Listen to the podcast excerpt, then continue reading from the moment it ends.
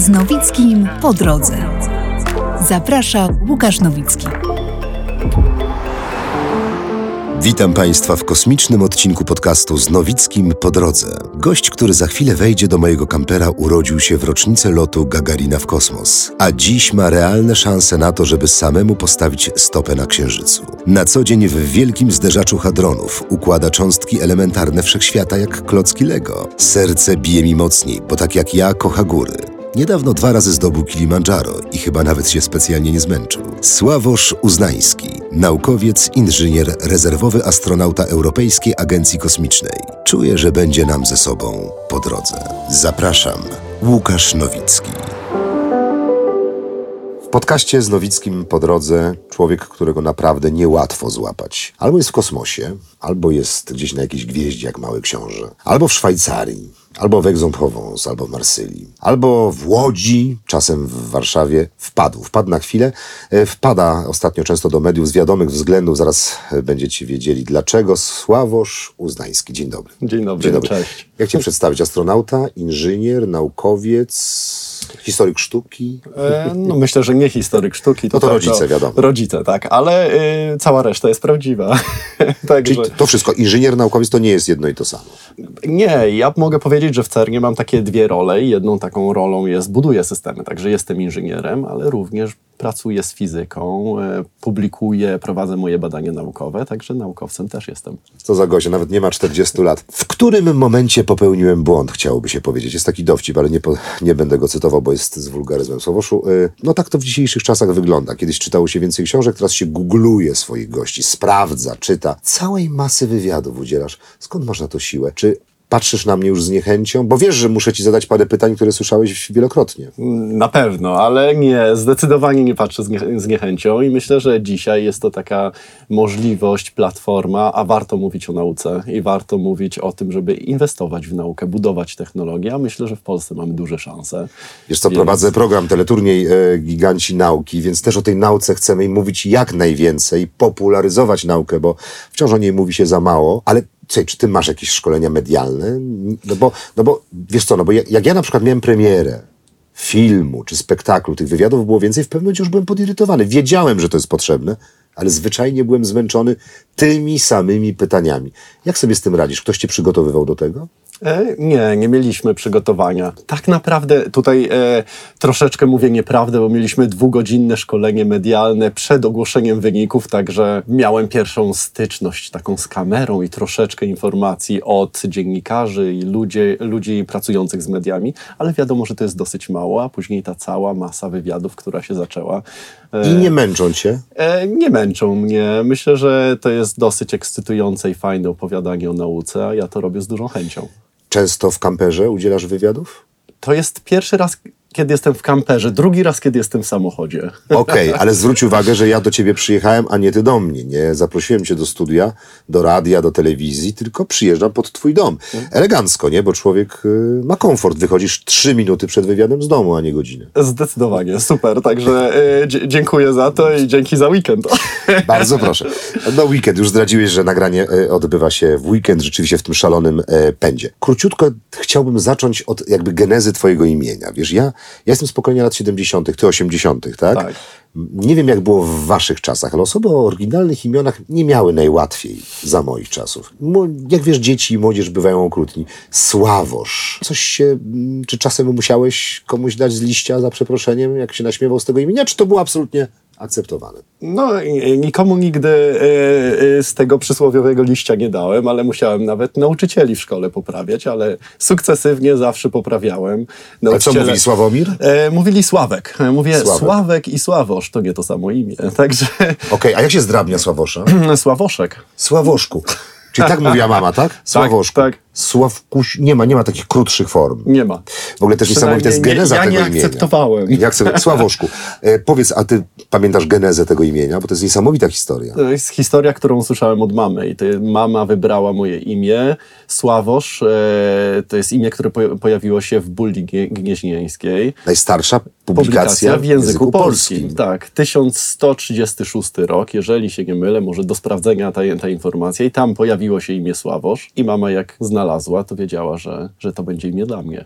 Mama artystka? Historyk sztuki, ale y, pracująca z artystami przez całe swoje życie. Tata też historyk sztuki. Tak, zdecydowanie. Czyli w twoim życiu, dziś już prawie, już astronauty, naukowca, inżyniera, też sztuka miała znaczenie. To już coś bliższego mnie, dlatego to o to pytam. Tak, pojawiało się malarstwo, pojawiały się grafiki, nie wiem, aktorzy się pojawiali łódzcy, łódzkich e, scen teatralnych? Tak, dorastałem w takim środowisku łódzkim, e, e, troszeczkę takiej muzyki, sztuki undergroundowej, łódzkiej.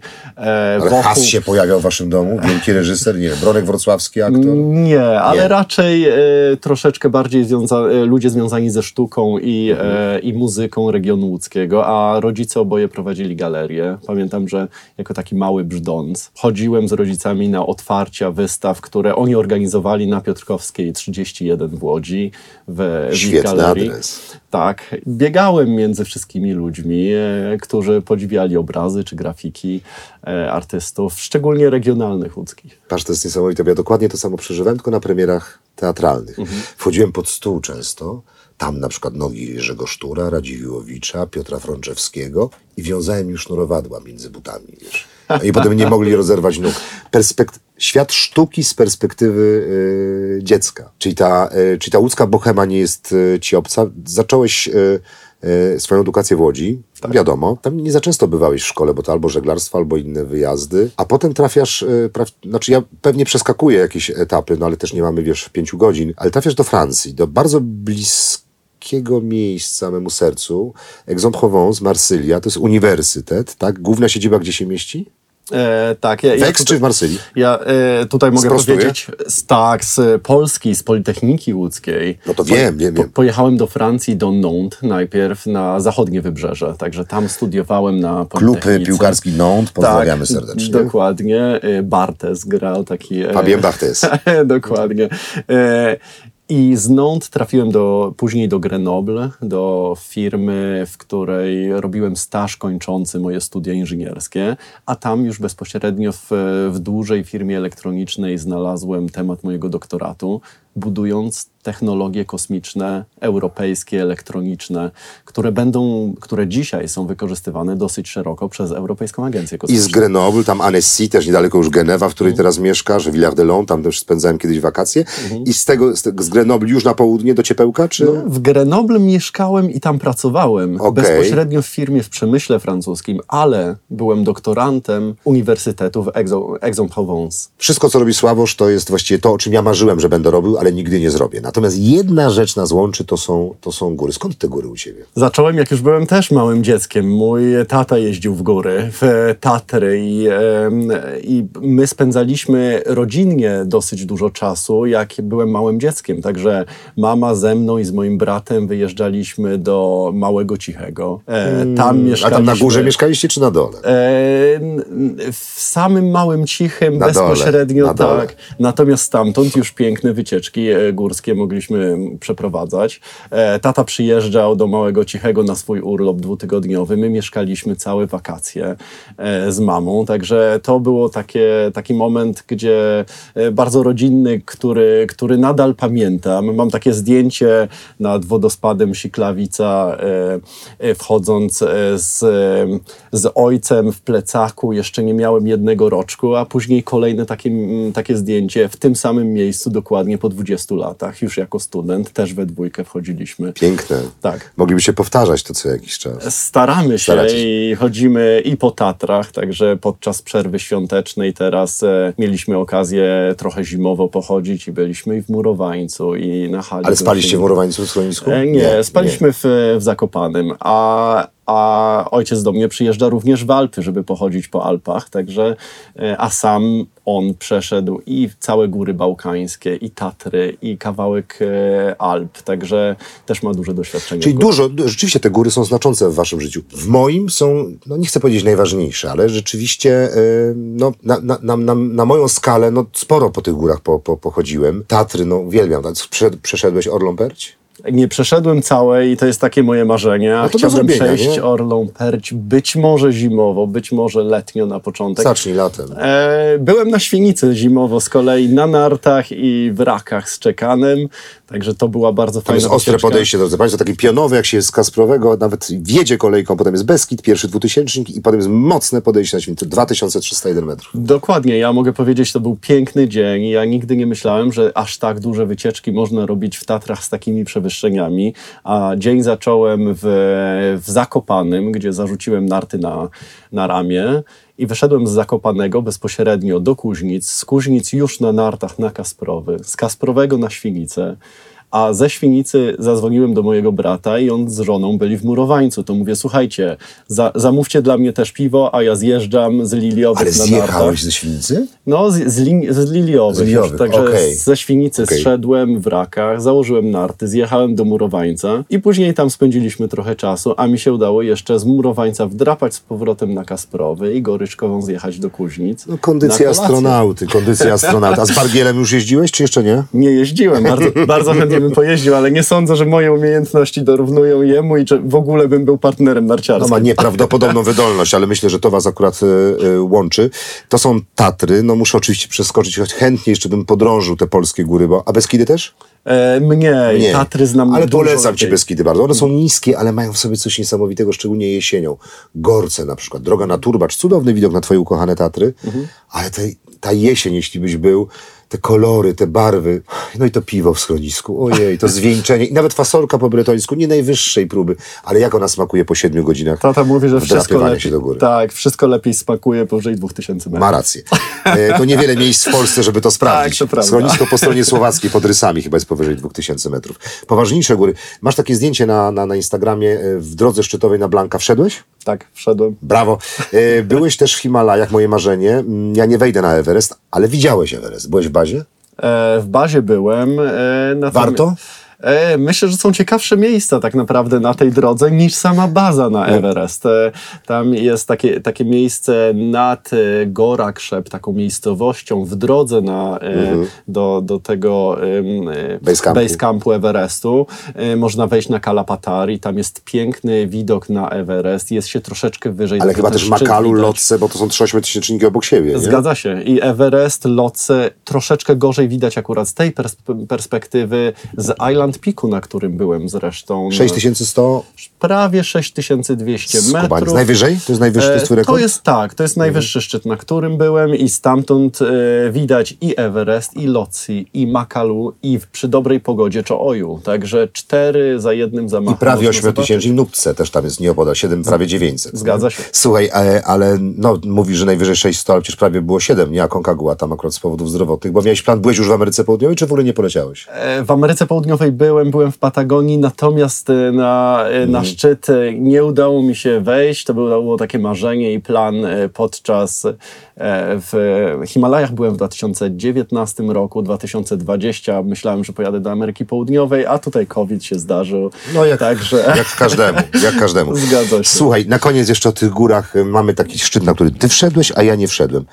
Kilimandżaro. Niedawno byłeś? Niedawno, dwa tygodnie temu. Dwa tygodnie temu byłeś na Kilimandżaro? Tak. E, z którą drogą wchodziłeś? Maczamę, O, tym trawersem? Tak, maczamy trawersem i dlatego, że troszeczkę jest lepsza aklimatyzacja i, i słyszałem, jak czytałem w internecie, mimo wszystko, że ta droga jest bardziej widokowa e, niż ta taka e, najszybsza droga, którą nazywają Coca-Cola Route.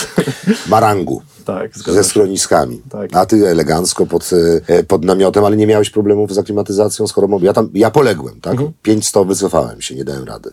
No, y, troszeczkę się nacierpiałem tak naprawdę, No. także muszę tutaj przyznać, byłem wyżej, y, natomiast na Kilimandżaro nacierpiałem się z aklimatyzacją, ale jednak udało mi się wejść na ten szczyt. Mam taką y, śmieszną historię, że dwa razy jak byłem na, na szczycie Kilimandżaro. Raz wszedłem o wschodzie słońca, zszedłem troszeczkę, by, byłem szybciej na szczycie niż grupa. Co to znaczy troszeczkę? Na ten taki, pię- na 5700, na ten taki, na ten, na ten płaskowy, że nie wiem jak to nazwać, na tą, tam jest, tak, no tam jest takie plateau plateau takie, potem się jeszcze idzie Tak. godzinę do szczytu, to tam zszedłeś? Czy do Dok- ostatniego obozu? Nie, dokładnie na to, na to plateau. Już nie pamiętam, jak się nazywa to miejsce, natomiast e, e, ja wszedłem troszeczkę szybciej. E, w dwójce, w trzy osoby weszliśmy na szczyt. Najpierw na sam wschód słońca, a później schodząc e, stwierdziłem, że dołączę do grupy, jeszcze z grupą wejdę. A szliśmy szybciej, dlatego, że było dosyć zimno, a ja potrzebowałem troszeczkę się rozgrzać, także mieliśmy dobre tempo, dobrze nam się szło. Lubiłem Sławosza do tego momentu. E, facetowi, który nie wszedł na szczyt, mówi, że wszedł dwa razy, bo musiał się rozgrzać, bo było mu chłodno. Facetowi, któremu głowa wybuchała, jak nie wiem, jak, jak wielki wybuch po prostu e, i tak cierpiał, że musiał e, porzucić swoje marzenia. Mówi, że był dwa razy. Dziękuję ci pięknie. Zostawmy góry, przenieśmy się do Szwajcarii. No te, zobaczcie, jak nieprzygotowany prowadzący. Zostawmy góry, przenieśmy się do Szwajcarii, gdzie właściwie są same góry, czyli już gadam bez sensu. Ale oczywiście do tej Szwajcarii pod ziemią się przeniesiemy do Cernu, tam gdzie jest e, ten słynny zderzacz. Słuchaj, ja widziałem go w paru filmach. W paru filmach, głównie to jest kino akcji. Jako laik, jako artysta, mniej więcej rozumiem, co miał na myśli Dostojewski, Czechow, czy, czy nawet Mickiewicz, panu Tadeuszu. Nie jestem w stanie do końca zrozumieć tych cząstek elementarnych, tego zderzacza, tego, co tam robisz i tego, po co to się w ogóle robi. Czy to jest w ogóle bezpieczne? Czy jesteś w stanie dokonać pewnej syntezy, żeby wytłumaczyć laikom, nie fizykom, nie chemikom, nie biologom, o co w tym wszystkim chodzi i po co wy to robicie? Postaram się. Dawaj. Także e, takie duże pytanie, które sobie zadajemy, to z czego składa się materia.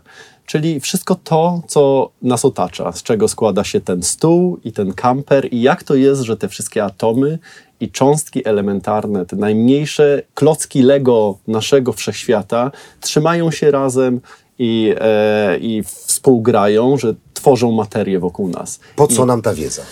Po co nam? No bo zawsze chcieliśmy wiedzieć, jak świat dookoła nas działa. I tutaj staramy się sklasyfikować te najmniejsze klocki Lego naszego wszechświata i jak one współgrają ze sobą. A my to robimy na taką skalę mikro w CERNie, czyli atomy, części składowe atomów, a na przykład agencje kosmiczne czy astronomowie patrząc w kosmos, patrzą na układy słoneczne i gwiazdy i robią to na tą skalę makro.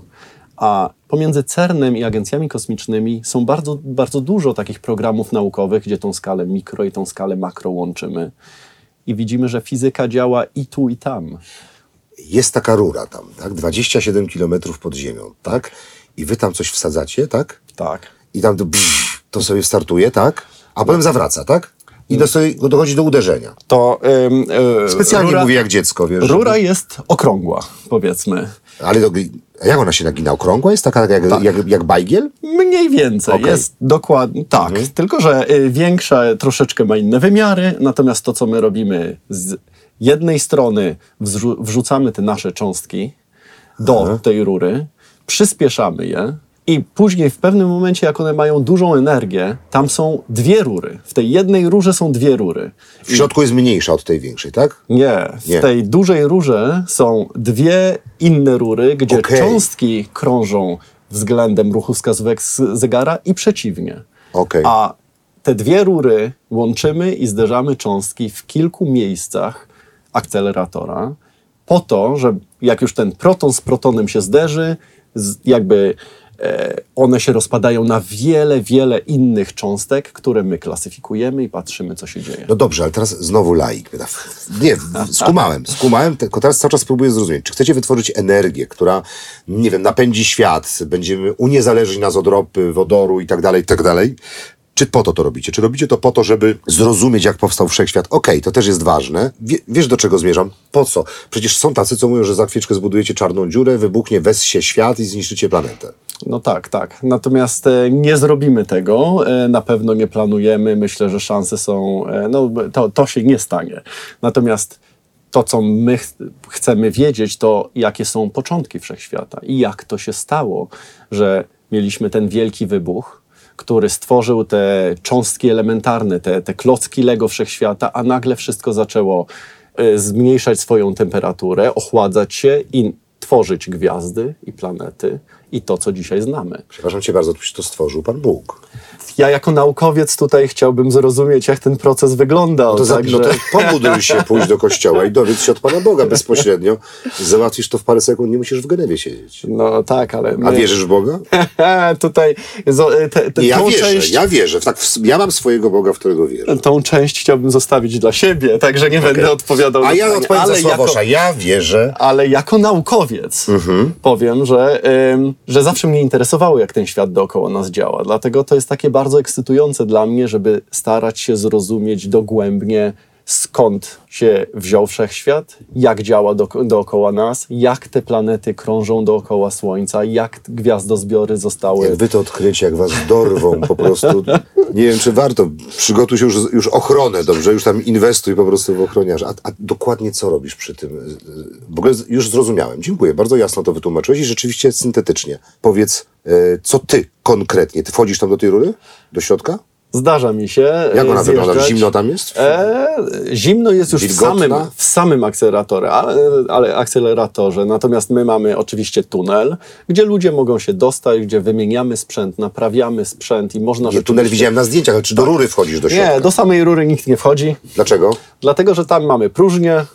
Wytwarzamy tą próżnię, czyli nie ma cząstek. Staramy się je, e, dlatego żeby akcelerator Wyssać? wyssać, żeby izolować od naszego otaczającego nas świata, a tam już mamy bardzo bliskie zeru bezwzględnemu, także mamy no, około 2 kelwinów, czyli 1,9 kelwina to jest te minus 200, e, 270 stopni Celsjusza, także bardzo bliskie zeru bezwzględnemu. No to chłodno. chłodno, po to, żeby móc zasilać te nasze elektromagnesy i tworzyć pole magnetyczne, żeby, te cząstki, żeby tymi cząstkami sterować. E, Także ja wiem, że to jest dosyć Sławosz- trudne. Nie, już, nie, jak ja zrozumiałem, to, to, to już jest zrozumiałe. Sławosz ręką też robi ten ruch cały czas. On po prostu jakby cały czas jest w akceleratorem, w akceleratorze i cały czas jest w tej i 27 km cały czas nie jest w stanie w ogóle opowiadać o tym bez pokazywania, jak działa ten, e, ten cały system, Tak. cały zderzacz hadrowy. Powiedz mi, ale jeżeli dojdzie do pęknięcia w środku takiej rury, no przecież muszą tam wchodzić, nie wiem, ekipy serwisowe, no, czy nie zdarzają się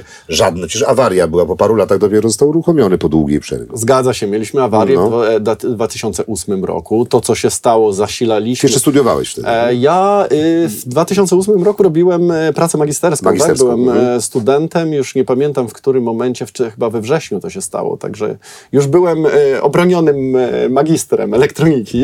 Ale siedziałeś wtedy w Marsylii już, czy E? Wtedy w Grenoble. W Grenoble wtedy. No to miły, Tak. cza, miły czas na, na, na awarię. No. Tak, zajęło nam to 3 lata, żeby uruchomić z powrotem akcelerator. Natomiast tak, awarie się zdarzają. I zawsze każdy sprzęt od czasu do czasu jest pewne prawdopodobieństwo awarii, natomiast my to prawdopodobieństwo liczymy i staramy się oczywiście wyeliminować. I co, ty masz jakąś, jakąś ekipę pod sobą, nie wiem, kilkunastu, kilkunastu ludzi, mm, tak? To wracając do tego, czym ja się tak, zajmuję. Tak, bo ja rzeczywiście tu odskoczyłem na chwileczkę, Tak, przepraszam. to, y, to mogę powiedzieć, że mam dwie takie role w CERNie. Takie dwie czapki, które Sławosz nosi. Jedna to jest y, inżynier, który buduje systemy. I jednym z systemów, systemy elektroniczne, systemy Okej. kontroli naszej, naszych akceleratorów. Kontroli, czyli ty dbasz o to, żeby te awarie się nie zdarzały. Zgadza się. Czyli Jak nawaliłeś również- wtedy, kiedy się zepsuło, tak? No, mnie wtedy tam nie było. A, no i co? I co Szwajcarzy? No i Ale- dobrze, że poszliście po rozum do głowy w odpowiednim momencie. Tak, natomiast my tutaj e, wszyscy koledzy wcześniej też starali się, żeby to wszystko dobrze działało, także takie, takie Okej. rzeczy się zdarzają. Natomiast wracając, buduję systemy i moim głównym systemem, e, który, który zbudowałem, jest zainstalowany w wielkim zderzaczu e, hadronów, jest kontrola dystrybucji energii, dystrybucji mocy tego akceleratora. Okej. Także to, co my bierzemy, bierzemy prąd, powiedzmy sobie, energię z sieci energetycznej i przez różne systemy przepychamy do naszego akceleratora po to, żeby później go zasilić. I system, który to kontroluje, to jest system, który ja zbudowałem z moim zespołem. Wow! Ty, a z jaką prędkością pędzą te cząstki elementarne? Światło, tam już prędkość światła jest osiągalna? Nie. Praktycznie z prędkością światła. To można powiedzieć 99% i 9999 To jest szybciej od Sokoła Millennium Hanna Solo, czy, czy no, hipernapęd? To jest mniej więcej to, żebym też sobie wyobraził. Tak, to prędkość światła. Można powiedzieć, że to jest prędkość światła. Jesteśmy tak bardzo blisko prędkości światła, której nigdy nie możemy osiągnąć, ale Tak jak jesteście blisko tego wielkiego wybuchu, ale cały czas to jeszcze to nie jest ten moment. Nie? odtwarzamy warunki w akceleratorze LHC, te warunki wielkiego wybuchu, początku wszechświata. Oczywiście nie możemy odtworzyć bezpośrednio tego, co się stało w tamtym momencie, ale możemy odtworzyć warunki, które są e, dziesiąte, czy setne, czy, czy tysięczne części sekundy po wielkim wybuchu. Ale to, to, a nie jesteście w stanie dojść do tego samego momentu? No niestety nie możemy. Wiesz, że kompletnie się na tym nie znałem, ale mega mnie to wciąga, wciąga mnie twoja historia. Tu, Tutaj mogę wrócić, bo to była taka jedna czapka w CERNie, którą Ach, mam. jesteśmy przy pierwszej, a, tutaj druga? Drugą tą Ochroniarz. czapką, e, prawie że jestem takim ochroniarzem, który siedzi e, w centrum kontroli, centrum zarządzania naszymi akceleratorami i jestem częścią zespołu operacyjnego, który, em, który tą wiązkę, te protony wstrzykuje do naszego akceleratora, przyspiesza, doprowadza do kolizji i dostarcza te kolizje do eksperymentów dla fizyków na całym świecie, którzy później te dane analizują. Którą czapkę wolisz? I jedną i drugą lubię. A, taka odpowiedź. No, ale jakby ci zadali pytanie, Sławoszu, 15. Którą włożysz, tę czy tę? E, no, Jedną czapkę. Jedną... O, o 15 zaczyna się popołudniowy, Zmiana. popołudniowa zmiana w Tak centrum kontroli. Także Znam Szwajcarię, więc 15 pomyślałem, że ta siesta trochę jednak tak, trwa. od 15 do 23 to jest taka popołudniowa zmiana. Ja tej zmiany tak naj, naj, To nie jest moja ulubiona zmiana. Wolisz tę poranną. E, Wolę, wolę poranną, dlatego na tej, na tej popołudniowej zmianie później nie można wyjść do restauracji ze znajomymi, spotkać się ze znajomymi, tylko po prostu Masz zawalony wieczór. Czyli Tak. bardziej jesteś sową niż rannym ptaszkiem? E, zdecydowanie. Zdecydowanie. I zmiana nocna mi nigdy nie przeszkadzała. Ta od 23 wie- e, w A, bo nocy y, do, do 7 15, rano. 23, 6, 7 rano, tak? Tak. I tę akceptujesz, bo już jesteś po imprezie. No, jak sobie to wszystko dobrze wykombinowałeś. Po kolacyjce. A w ogóle wolno taką lampkę winka przy kolacji wypić przed robotą? Nie. No, e, wszyscy jesteśmy ludźmi tutaj. Blisko e, Francja, więc- E, blisko Francja. Myślę, że lampka wina jedna od czasu do czasu nie, nie, Nie zaszkodzi. zaszkodzi. Znaczy, od czasu do czasu, ja natomiast z umiarem. Z No, umiarem. wszystko z umiarem. Fruniemy. Tak. Słuchaj, em, urodziłeś się w 84 roku e, i mam taką historię moją, wiesz, która chyba się wiąże z tym rokiem. Nie jestem do końca pewien, czy to był 84 czy 83, ale to w gruncie rzeczy bez znaczenia. Pamiętam ten wieczór, kino Związkowiec, Podgórze, Kraków, Komuna. Szare, smutne czasy, zima, zaspy, mokro. Ja z moją świętej pamięci mamą pod rękę idziemy do kina Związkowiec na Gwiezdne Wojny. Ja y, mam wtedy 10 lat, y, ty się rodzisz, y, wchodzę do, do kina, włączają film i moje życie się zmienia na zawsze. Chyba mogę tak powiedzieć. Nie rozumiałem jeszcze, jak bardzo George Lucas zaczerpnął y, z mitologii do swojego scenariusza wielu, wiele rzeczy. Nie rozumiałem tych oczywistych spraw, jak dobro i zło i tak dalej, i tak dalej, ale film zaczarował. Widziałem 100 razy, nie wiem, 80. Przyśniły mi się kiedyś z napisami końcowymi Gwiezdne Wojny. Raz mi się przyśniły po węgiersku. Imperium kontratakuje czy Powrót Jedi. Te nowe części już nie bardzo, ale te trzy wyznaczyły pewne, pewne, pewne, pewne drogowskazy w moim życiu. Naprawdę. My pod halą targową w Krakowie handlowaliśmy kartkami z gazet, z figurki, Soku Millennium. Pierwszy mój wyjazd do Francji, do mojej cioci, do Villard de Long e, i do Grenoble. Moją ciocię Daniel e, stamtąd. No to ja pamiętam sklep z zabawkami, ja tak trzymałem tego Sokoła, nie było mnie stać, żeby go kupić. Tak czy siak, naprawdę ważny dla mnie film. A ty podobno nie lubisz. Ja nie powiedziałem, że ja nie lubię. Tak ja po prostu, wyczytałem. Ja po prostu powiedziałem, że to nigdy nie było jakby ta część, która mnie zafascynowała i zapoczątkowała moją podróż i patrzenie w gwiazdy. Także ja y, y, Gwiezdnych Wojen nie oglądałem aż tak bardzo jak ty. Te 80 razy, 100 razy. Ja troszeczkę wyra- wyrosłem na, na Top Gunie Młod, Toma młodszy, jesteś, młodszy jesteś, nie? Tak, natomiast y, mnie zawsze, ja zawsze byłem na zewnątrz. Zawsze byłem tym dzieckiem, które y, biegało, nie mogło się zatrzymać, jeździło na rowerze. No, ale jesteś dzieckiem komuny jeszcze, nie? Końcówki komuny, To ale prawda, jesteś. zgadza się. Czyli pamiętasz szarzyznę tamtych czasów, a tu nagle, bracie, masz Tatooine, nagle masz Alderan, nagle masz masz... Y, znaczy świat, ja oszalałem. Young Skywalker, join me to the galaxy. I'm your father. No, no! Yes, Luke. Pamiętasz? Myśmy, myśmy się uczyli na pamięć. Pamiętam, jak trzymał Wader tego, tego, tego, tego, tego, tego rebelianta. Where's the ambassador? Wiesz, także uczyliśmy się na pamięć ton, y, frazy Jamesa Earla Jonesa, który podkładał głos. To cię tak nie wkręciło. No ty później. Star Trek. tak Ciebie bardzo. Star Trek, co? Natomiast niesamowicie aż ciarki mi przechodzą po plecach, jak e, wypowiadasz te zdania. Grałem Wadera, grałem Wadera. Wiesz, znaczy w polskiej wersji w, jakiejś, w jakimś słuchowisku. Dziękuję ci bardzo. Choć wolałbym być, jakbyś miał, miałbym wybrać, kogo byś wybrał z Gwiezdnych Wojen, gdybyś miał wybrać swojego ulubionego bohatera? No pewnie, Gdybyś miał nim być. pewnie tego Luka Skywalkera tak naprawdę, no niestety. A ja zdecydowanie Hanna Solo. Tak? Wiesz, niegrzeczny, łobuziak, No. trochę bandzior, o dobrym sercu, Tak. finalnie bohater, ale nie, a Luke jest taki idealny, nie? Nie, nie, nie, nie. No nie wiem, może ten mój trochę perfekcjonizm, który mi w życiu przeszkadza. A jesteś perfekcjonistą? trochę jestem. A jesteś pedantem też? E, no może trochę mniej, ale jednak lubię zawsze, zwracam uwagę na, na, na wartość i jakość tych e, czy, czy, czy systemów, które projektuję jako inżynier i tak dalej. Także natomiast w pewnym No dlatego momencie, jesteś tam, gdzie jesteś, tak sądzę, Sławosz, wiesz? Z jednej strony tak, z drugiej strony zawsze praca w pewnym momencie trzeba ją skończyć, to jest dobre, jakbym to powiedział, good enough. I w tym momencie tak naprawdę... A kto ci mówi coś- good enough? Ty sobie sam, czy ktoś ci mówi? No, jak ja już sobie sam powiem, to zazwyczaj jest wystarczająco dobre, żeby opublikować. Czyli jesteś też pewny siebie. Nie, wiesz, bo świadomość, y, nie mówimy tu o megalomanii, nie? ale świadomość własnej wartości, poczucie własnej wartości jest w moim zawodzie, na przykład aktorskim, fundamentem. Bez tego nie masz po co wychodzić na scenę i konfrontować się z widzem. Nie wiem, jak jest u ciebie, no musisz być świadomy tego, że jesteś po prostu dobry. Myśl, myślę, że świadomy jestem tego, ile pracy włożyłem i czy wiem, czy mam swoje własne wewnętrzne poczucie, że zrobiłem wszystko, żeby akurat osiągnąć to, co chciałem osiągnąć, i w tym momencie jakby to już nie ode mnie zależy ocena tego, czy to jest good enough. Ja zrobiłem moją część, a później mogę tylko czekać na ocenę ewentualnie Tak, ale możesz czekać w strachu yy, i można łatwo cię skołować, łatwo wyprowadzić, yy, wiesz, yy, wprowadzić zakłopotanie, a możesz czekać ze spokojem i ze świadomością do obronienia swoich tez i swoich yy, efektów swojej pracy. Myślę, I to chyba jestem, masz. Myślę, że jestem wystarczająco w miarę spokojny, ale też jestem bardzo otwarty na, na krytykę z zewnątrz tych efektów mojej pracy.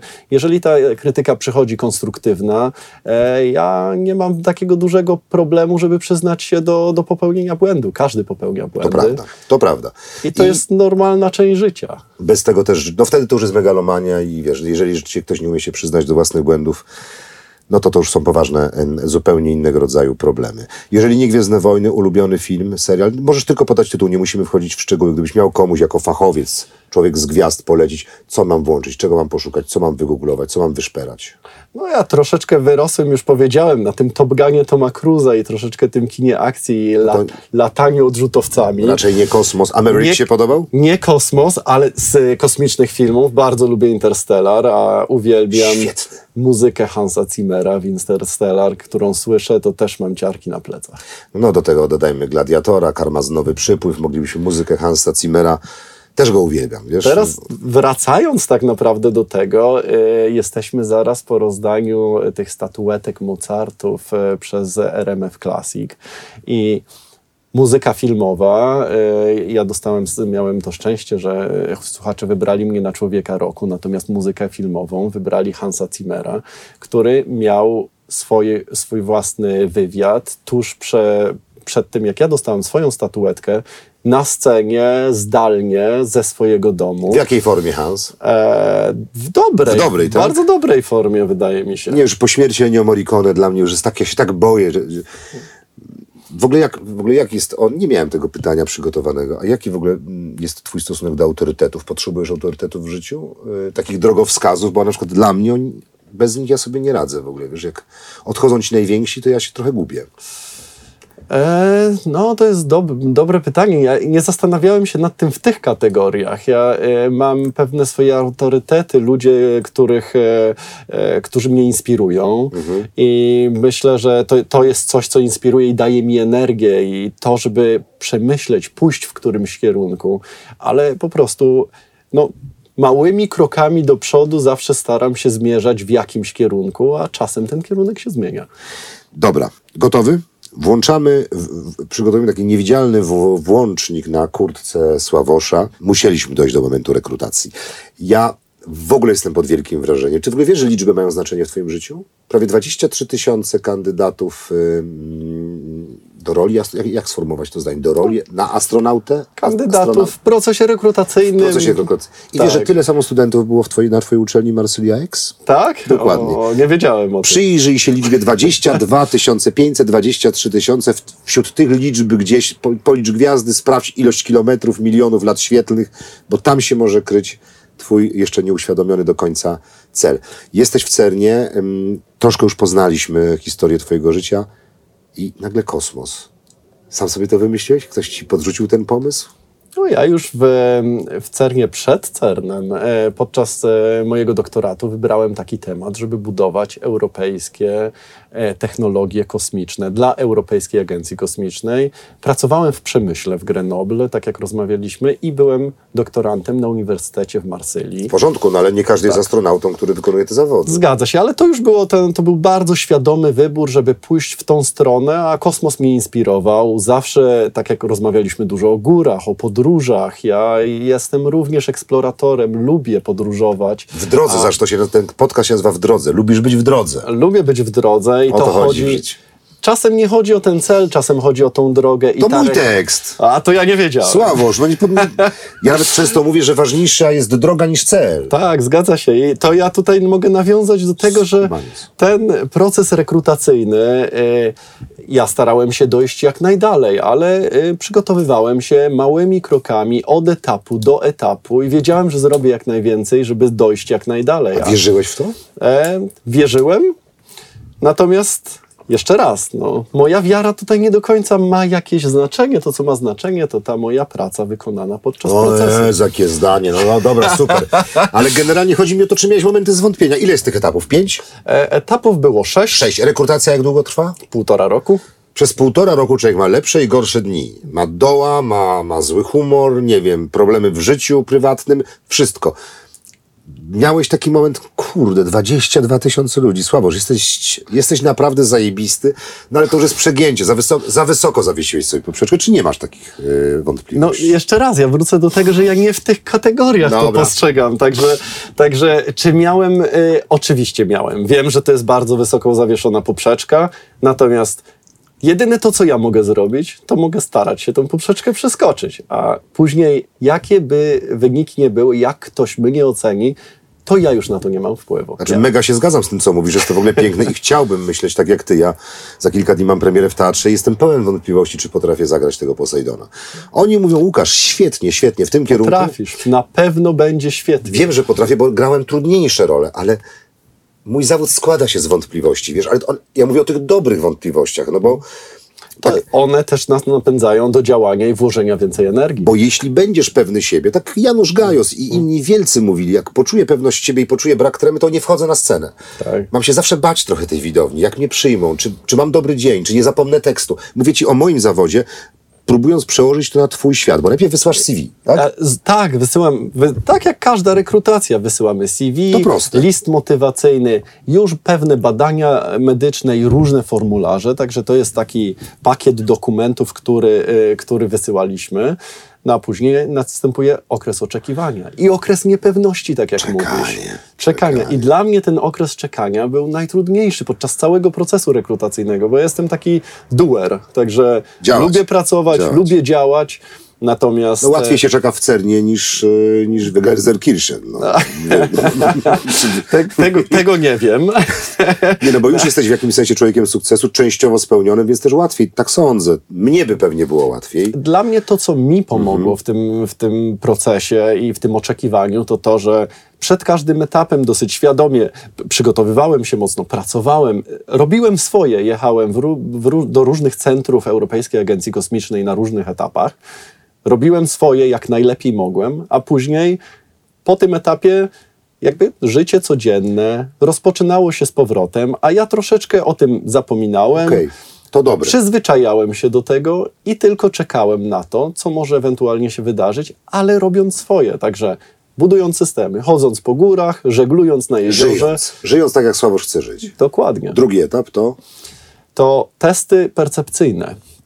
Czyli testy, jak my przetwarzamy informacje z tego świata, który jest dookoła nas. Jaka jest nasza pamięć wzrokowa, słuchowa, jak szybko przetwarzamy te informacje. Przetworzyłeś e, to, że jest coraz chłodniej w kamperze, bo wyłączone jest ogrzewanie, żeby nie szumiało? Czujesz to? Czuję, ale... e, Rejestrowałeś to w trakcie rozmowy, w przeszkadzało było ci? wiele, e, du, dużo, dużo zimniej w wielu momentach. Czyli zarejestrowałeś, że Tak. temperatura spada. Okej, bo ja też zarejestrowałem, czyli przeszedłbym ten test.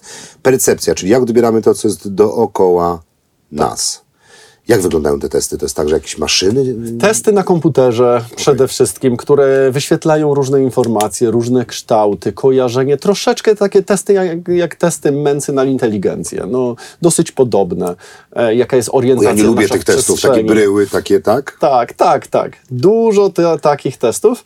No i oczywiście byliśmy testowani pod względem angielskiego, matematyki, fizyki. Ile znasz języków? Angielski, Francuski musisz francuski, e, polski. Kiedyś byłem dwujęzyczny z niemieckim w liceum, ale teraz nie mógłbym się do tego przyznać, dlatego że to już nie jest prawda. Okej, już ci um, umknął, nie? Tak. A wiesz, że to zostaje. Ja, Jakbym się przeprowadził do Niemiec, to ten Nawet niemiecki nie. by wrócił. Parę dni, ja, co, ja byłem, byłem, ja mówiłem 15 lat, uczyłem się francuskiego, zupełnie zapomniałem, bo go nie używam. Pojechaliśmy do Maroka z małżonką do Marrakeszu. Pod pierwszego dnia w taksówce, jadąc do centrum, nie umiałem sklecić zdania. Ona na mnie patrzyła, mówiła, co? 15 lat francuski, kłamałeś mnie całe życie.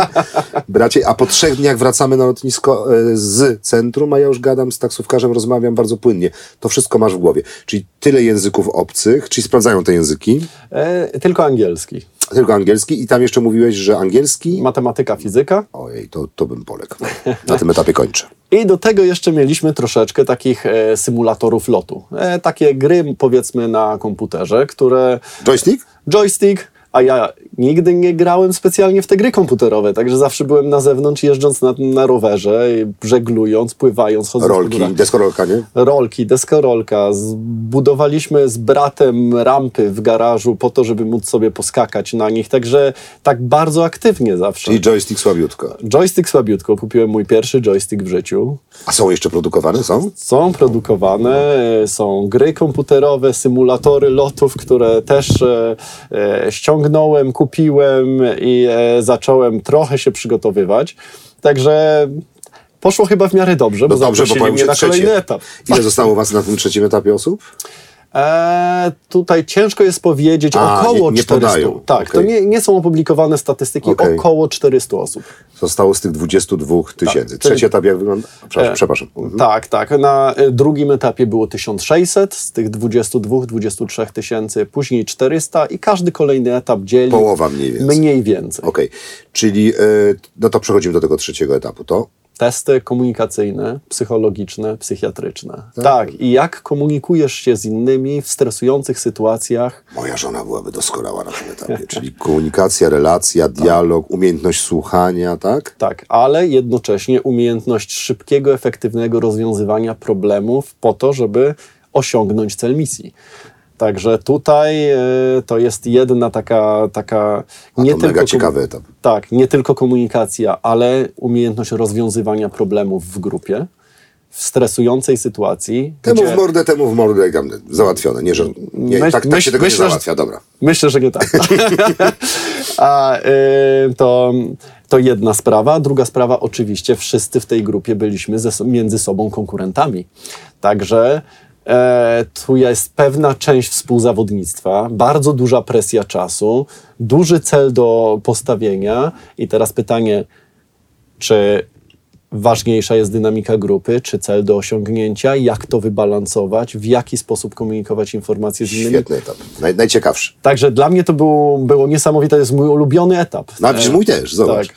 To kolejna zbieżność. Kilimandżaro, tu, tam już parę rzeczy już, już, już, już, już znaleźliśmy. Czwarty etap. Czwarty Jest etap? 200 osób. Etap medyczny. Także. No to e, koszmar po prostu. Ale co, badają cię? Tak.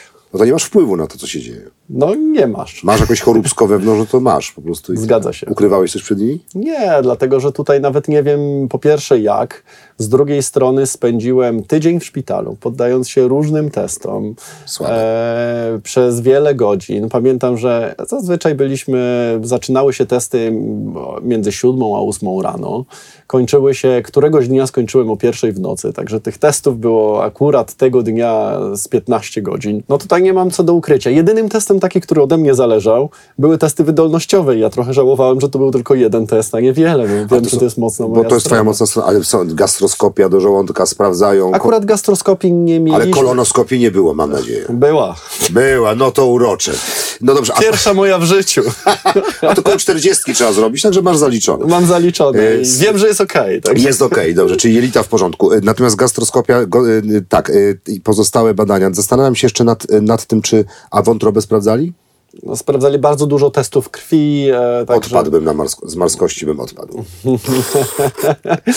My Też psy, mieliśmy takie, e, to był dosyć ciekawy moment, e, gdzie psychiatra, e, te testy, dermatologia, psychiatria, testy okulistyczne, gęstość kości, w ogóle bardzo, bardzo dużo, kolory. E, Jak widzimy kolory i czy mamy jakąś ukrytą formę daltonizmu, za, zabrało chyba z dwie godziny taki slot na oczy, dwie, trzy godziny. I to jest rzeczywiście to jest coś takiego, co jest do końca od ciebie niezależne. Możesz być Tak. nieświadomy pewnych, Tak, i- pewnych, pewnych, pro- stresują. To, to, chyba, to chyba nie. To jest dosyć stresujące Mhm. i zupełnie niezależne. Tak jak mówiłem, ja jestem ten duer, także y, dla mnie. Lubisz mieć prostu- wpływ, nie? Tak.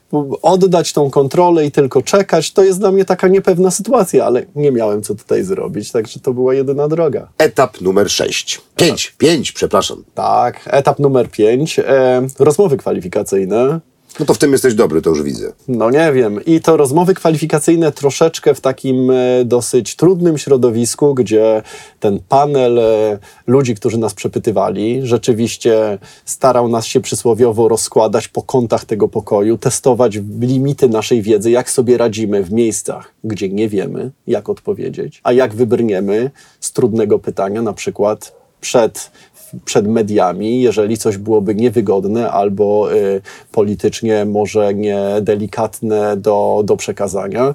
Także tutaj sprawdzali, w jaki sposób reagujemy w takiej stresującej sytuacji. Bardzo dobrze sobie radzisz. Zapytałem o Boga, powiedziałeś, wolę to pozostawić dla siebie. Czyli szybka, krótka reakcja, wyznaczyłeś granice i swoje limity. Takie rzeczy też sprawdzali, tak? Umiejętność pewnej asertyw asertywnej odpowiedzi, jednocześnie Zgadza kulturalnej. e, Tak. Tak?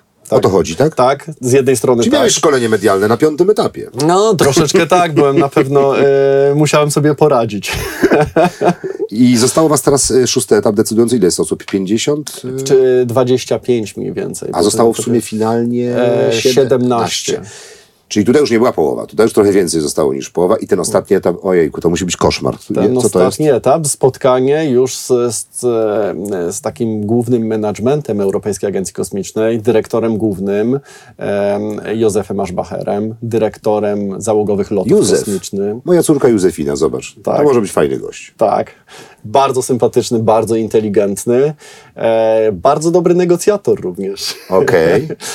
Ale myślę że, myślę, że ja się obroniłem dosyć dobrze na tym etapie, także Ale dobry negocjator, tak? Bardzo dobry. I co, i to, o, o co on pyta? Sprawdza, jak wygląda taka rozmowa? To jest kolacja już? To już jest, to są E, nie, winogrona? Nie, nadal e, przed komisją i był dyrektor lotów załogo, załogowych lotów kosmicznych, dyrektor e, HR-ów, dyrektor e, Centrum Szkolenia Astronautów i dyrektor generalny Europejskiej Agencji Kosmicznej w panelu, którzy zadawali pytania już bardziej takie odnośnie finansowania polityczne, czy zdajemy sobie sprawę, jak skonstruowana jest Europejska Agencja Kosmiczna i jej zależności Okej. z Unią Europejską, Komisją Europejską i krajami członkowskimi, takimi jaki jest, e, e, jakim jest Polska na przykład. A powiedz szczerze, to, że jesteś Polakiem pomagało czy przeszkadzało? No, myślę, że tutaj to e, do szóstego etapu to nie miało znaczenia. Jesteśmy, bo to były etapy kompetencyjne, czy testy medyczne przeszedłem, czy nie przeszedłem, komunikacyjne, percepcyjne, czy obroniłem się z mojej wiedzy. e, to moje pochodzenie tutaj nie miało takiego znaczenia. Oczywiście dla mnie język angielski nie jest moim pierwszym językiem, także może Brytyjczycy czy ludzie, którzy, dla których to jest język ojczysty, mają troszeczkę komunikacyjnie łatwiej, ale to, to nie ma znaczenia na, na, na, na tym etapie. Mam na myśli finansowanie, wiesz, mam na myśli Tak. nasz udział w tej całym No, torcie kosmicznym. Zgadza się, a to już przychodzi podczas tej Mhm. negocjacji, tej finałowej siedemnastki. No i tutaj oczywiście my nie jesteśmy dużym kontrybutorem do, Mhm, do budżetu Europejskiej Agencji Kosmicznej. Historycznie em, jesteśmy na takim, no, mm, na ostatnich miejscach e, w, w Europie, razem również z innymi krajami bloku środkowo-wschodniego i tutaj mamy dużą pracę domową do wykonania, jeżeli byśmy chcieli mieć reprezentację, jeżeli byśmy chcieli budować technologie kosmiczne i sprzedawać je na rynku międzynarodowym wraz z Europejską Agencją Kosmiczną, to musimy również finansować ten przemysł. Podkreślmy, że to jest inwestycja. To nie jest darowizna, Bardzo tylko mi się podoba. inwestycja. Tak, super, że to powiedziałeś. Ja staram się o tym mówić i staram się mówić, że I prawie z- pewna. Tak, ten zwrot Mhm. z tej inwestycji na każdych, na programach, wszystkie programy Europejskiej Agencji Kosmicznej mają obowiązek publikować metryki, jaki jest zwrot z inwestycji. I te zwroty są dużo większe niż jeden. Ja mogę podać taki bardzo, bardzo znaną liczbę z NASA, programów Apollo. Przecież ten, ten temat bardzo mocno pojawiał się w Kongresie Stanów Zjednoczonych w latach 60. i 70., czy powinniśmy finansować tak ogromny program Miliardy naukowy. dolarów, nie? Tak, ogromny, jeden z, naj, z największych programów naukowych w historii ludzkości. A po latach okazuje się, że ta inwestycja w naukę w programach Apollo generowało 17 do 1, 17 dolarów w gospodarce za każdy dolar wydany. Fajnie, że to powiedziałeś, o tym nie słyszałem. Tak, i Europejska Agencja Kosmiczna na te wszystkie programy również em, mają swoje metryki.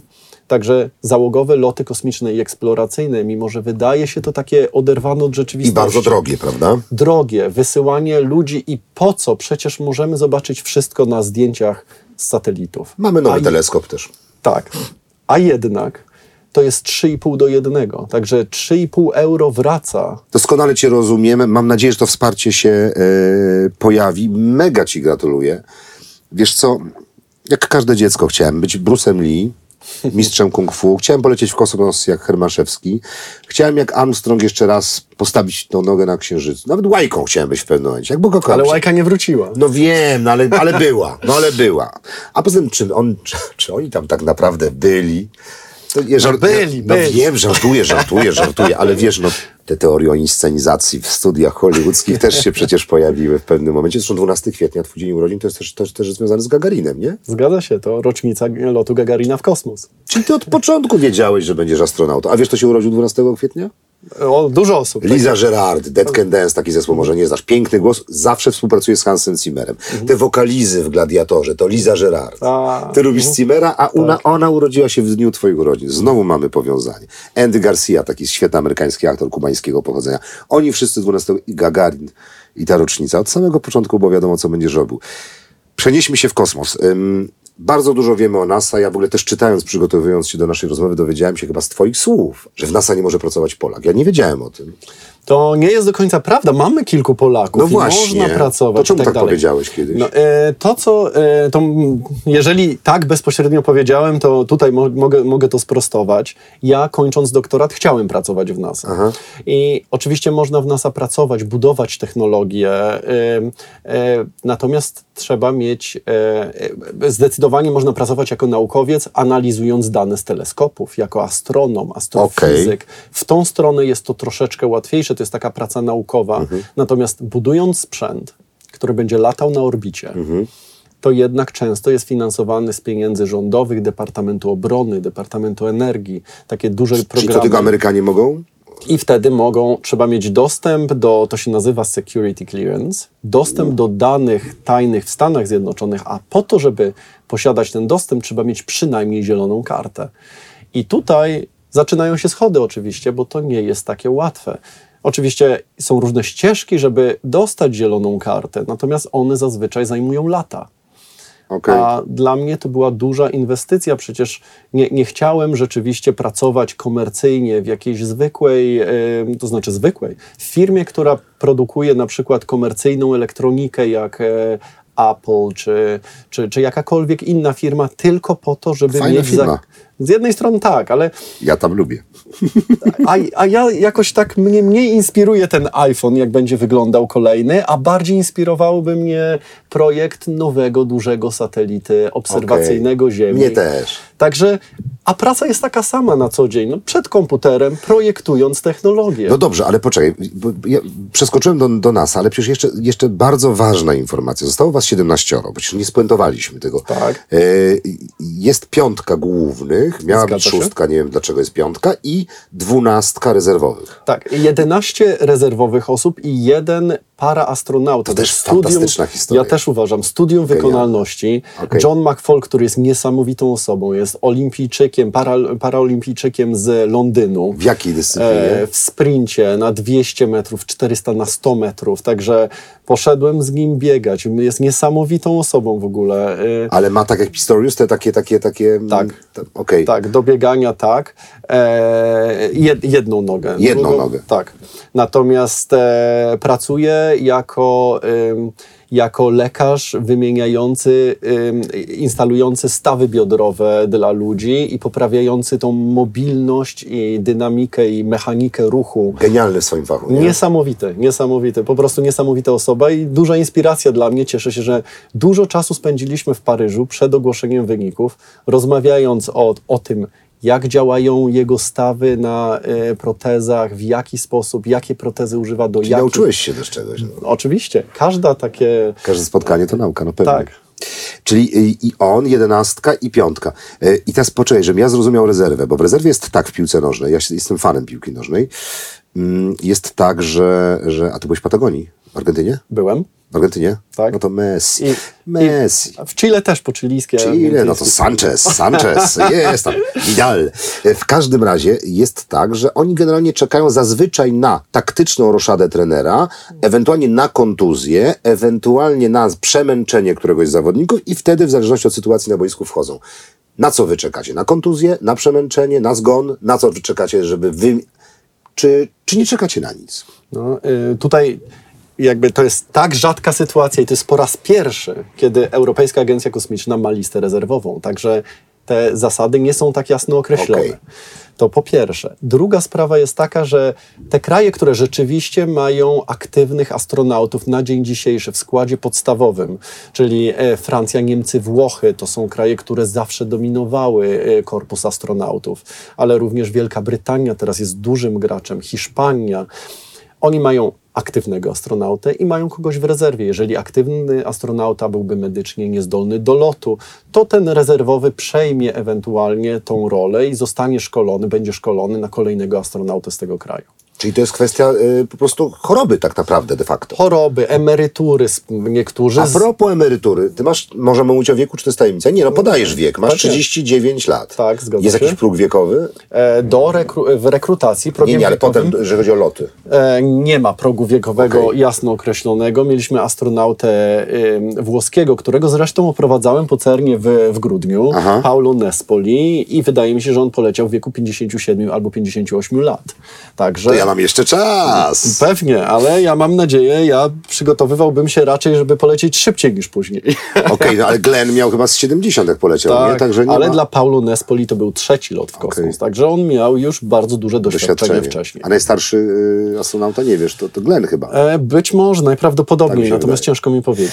Powiedz mi, Natomiast... Czyli masz jeszcze A. 15 lat, mniej więcej 20 takiego luzu. No, ja myślę, że tutaj e, ten e, czas nas goni. Wracając o to, o, o co pytałeś, jaka jest szansa dla nas, i dla mnie jako rezerwowego astronauty. I tutaj my nie posiadamy kogoś, kogo moglibyśmy wymienić. Nie mamy aktywnego astronauty. I ja najprawdopodobniej nie będę mógł zająć miejsca innego kraju, bo tamte kraje płacą na załogowe loty kosmiczne, Okej. na No to technologię. jesteś na straconej pozycji. No, myślę, ja nigdy nie sądzę, że jestem na straconej pozycji. Myślę, że my mamy taką potrzebę i ten potencjał w Polsce, żeby budować technologię, A po to, żeby ją budować, to musimy ją finansować, a z tego finansowania możemy również dostać reprezentację. Także myślę, że my jako kraj i duża ekonomia w Europie y, centralnej i wschodniej mamy ten potencjał że i, i potrzebę posiadania reprezentacji możemy zbudować relacje z Europejską Agencją Kosmiczną Okej. i jednocześnie finansować Trochę budowę zmartwiłeś teraz, bo to jednak taki może być proces, który jeszcze trochę potrwa. Być trochę może. brakuje takiego programu, jaki miał Związek Radziecki, dzięki któremu poleciał Mirosław Hermaszewski, prawda? Czyli e, kosmonauta. Też Tak. niedawno się dowiedziałem w ogóle. No, poznałem tę różnicę. Kosmonauta radziecki plus bratni kraj, tak? Tam Czechosłowak Tak. poleciał, tak? Czechosłowak był w ogóle trzecią nacją w kosmosie. Czechosłowak? Czechosłowianin. Czechosłowak. Czechosłowak. Czechosłowak. To- Trzecią nacją był w Ty kosmosie. możesz mnie poprawiać po polsku Ale wiesz, akurat zdecydowanie. umknęło mi w tej chwili.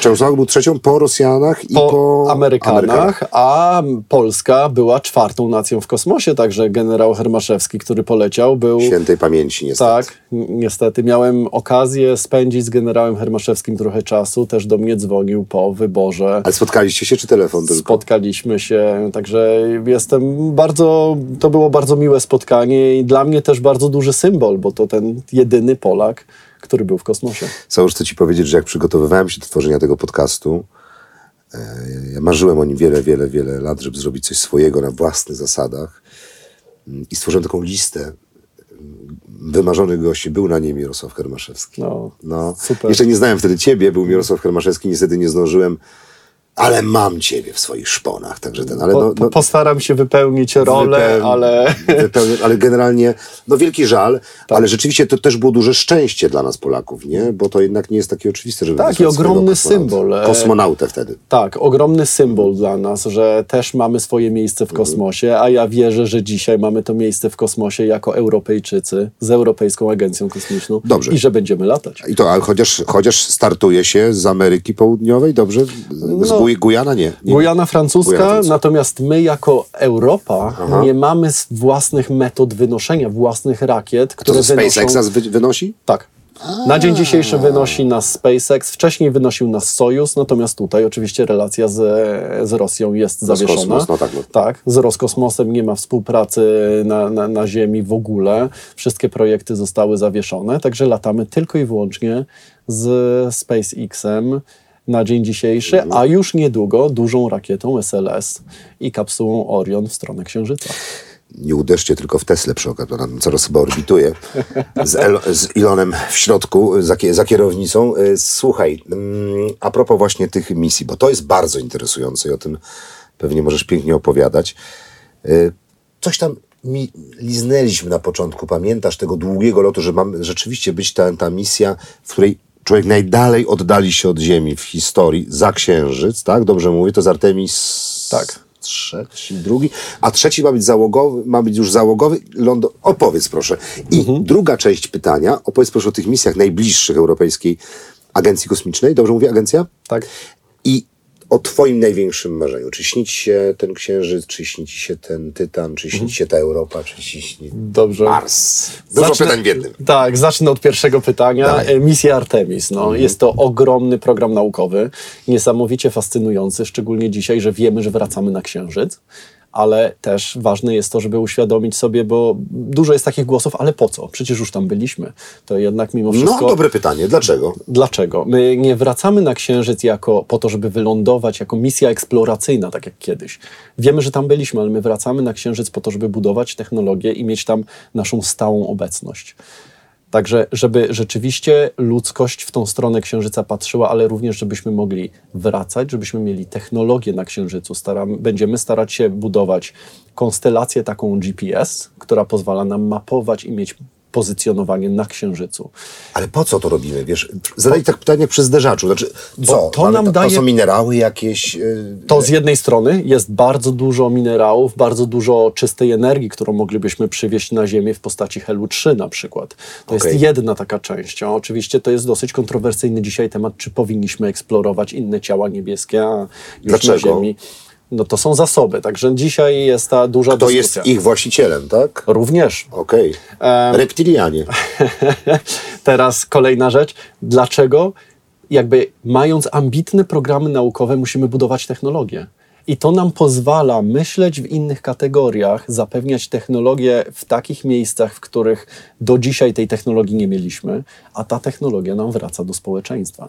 Także później, ja mam nadzieję, że za te 10-15 lat taka konstelacja, jak dzisiaj mamy obserwacyjna Ziemi, możemy mieć konstelację również na Księżycu, obserwacyjną Księżyca, telekomunikacyjną na Księżycu, pozycjonującą na Księżycu, co pozwoli nam rozszerzyć naszą obecność w naszym układzie słonecznym. Masz jedną misję, jak generał Hermaszewski. Jeden raz możesz polecieć w kosmos. Możesz eksplorować, polecieć Jowisza, Marsa, Księżyca. Co wybierasz? To jest trudne pytanie, ale jakbym miał wybrać, to bym wybrał Księżyc. Natomiast... Naprawdę? Tak. Ja Jowisza. E, No, na Jowiszu ciężko przeżyć, także ja bym tutaj... Nie, ale w stronę chciał- Jowisza i z powrotem. No ale w stronę Jowiszej z powrotem to byłoby pewnie kilkanaście lat. Także ja nie wiem, czy bym się pisał na tak długą podróż. Okej, wycofuję się z mojego e, księżyca. A na księżyc ile? To jest parę dni. ile? Tak, na Księżyc to jest parę dni. E, ostatnia misja z e, oddalaniem się poza e, i jakby tą, na tą ciemną stronę Księżyca i jeszcze dalej, gdzie jeszcze wcześniej nie byliśmy.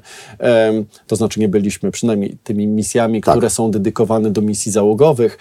To trwało dwadzieścia kilka dni. Cała misja od wystrzelenia do powrotu do, na, na Ziemię. Czyli księżyc wybierasz. Tak, natomiast już w stronę Marsa, w, tylko w jedną stronę lecimy między 6 a 8 miesięcy. No to przecież to, to są dwa lata w sumie. Zobacz, Matt Damon spędził w Marsjaninie tam sporo czasu, także... I powiem ci, że jak go obserwowałem, tam nie Bardzo jest... lubię zresztą ten film. Ja też. także- Jest naprawdę jeden z lepszych filmów science fiction, jaki Tak. widziałem. Bardzo Państwu polecamy. Nie wygląda zachęcająco. Może nas, może nas, ludzi gór, te 20 tysięcy, najwyższy szczyt, mógłby nas tam trochę, no wiesz, zachęcać do odwiedzenia. 20 tysięcy, nie, mniej więcej Tak, chyba 26. Sześć e, nawet. Tak, poniżej 30 tysięcy metrów. Ale też z powodu minerałów, po co ten Mars? Bo, bo na Marsa nie masz ochoty, tak? To dwa lata życia trzeba byłoby wyciąć, nie? No tak, poza tym to jest, to jest e, bardzo trudna, e, trudna podróż i bardzo duże odizolowanie przecież i od domu, i od znajomych, i tutaj ogromny brak możliwości powrotu e, łatwego z powrotem w kierunku Ziemi. Także tutaj jest bardzo dużo różnych Układ takich... planet, trzeba trafić w odpowiedni moment, prawda? Tak, tak. A powiedz proszę, gdybyś, y, y, teraz zapytam cię zupełnie szczerze o coś, co właściwie mógłbym sprawdzić, ale jakoś nie, nie, posiad, nie posiadłem tej wiedzy. Czy jest jakakolwiek jeszcze materia, planeta, księżyc w Układzie Słonecznym poza Marsem i Księżycem, na której moglibyśmy wylądować? Tak, i wylądowaliśmy... skalista jakaś. Tak, i lądowaliśmy na wielu... Człowiek, człowiek, nie, nie, nie łazik, nie? Tak, ale y, o, no dobrze, y, to mamy te pierwsze cztery pla układy, planety w Układzie Słonecznym, czyli Merkur, Wenus, Ziemia, Mars są skalistymi planetami. Tak. Kolejne planety są Gazowe. gazowe tak, to co mówimy gas giants, te giganty gazowe, natomiast one mają księżyce skaliste wokół siebie, przecież Europa na przykład, Tytan. Byliśmy na tych księżycach, lądowaliśmy łazikami, czy my moglibyśmy tam polecieć? No na księżyc możemy polecieć, na jakby tamte planety są dużo, dużo dalej. My musimy jeszcze zbudować dużo technologii, żeby myśleć o tak A ambitnych Wenus jest dalej niż Mars? E, bliżej. Bliżej. Ale co, to dlaczego nie możemy lądować na Wenus? No, na, Wen- na Wenus jest bardzo gorąco, także tam są te Okej. e, gęste chmury, które e, zatrzymują i tworzą taki ogromny efekt cieplarniany, gdzie, gdzie jest bardzo wysoka temperatura na Wenus, także tam byłoby trudno. Nie, ale wiesz co, bo szukam takich miejsc po prostu, no bo to moja wyobraźnia, nie? Bo ten Mars czerwony już tak, już, już mi się wyrył w pamięć. Księżyc oczywisty byliśmy. Szukam jeszcze takiej przestrzeni, gdzie jeszcze moglibyśmy polecieć, czyli te księżyce tych ga gazowych gigantów. To jest chyba ten realny kierunek. Tak, to jest realny Gdzie kierunek. lądowały. Kolejnym realnym kierunkiem dla nas jest eksplorowanie pasa asteroidów, który jest mm, no, jakby za Marcem, mm, między tymi skalistymi planetami, a e, planetami gazowymi. I tutaj e, jest bardzo, moglibyśmy po to polecieć, żeby eksplorować, to znaczy polecieć, zobaczyć, co tam jest, ale również e, tak jak, nie wiem, czy znasz taki serial, który jest dosyć ciekawy. Po angielsku nie znam polskiego tytułu, nazywa się The Expanse. Rasa ludzka jest na Ziemi, na Marsie i na pasie asteroidów. E, także są te trzy miejsca. Te cywilizacje troszeczkę ze sobą konkurują, mają metody transportu pomiędzy i ten serial naukowo dosyć jest niezłym, wiarygodny, dobrym odwzorowaniem. Mi się zdarzyło oglądać jakiś odcinek i powiedzieć hola hola, ten pas asteroidów jest daleko, także ja tutaj e, coś nie wierzę, że ta w 30 godzin, czy już nie pamiętam ile, ale w tym czasie można tam dotrzeć, także ja to muszę policzyć. Także sprawdziłem, jaki jest dystans. Zgadzało się.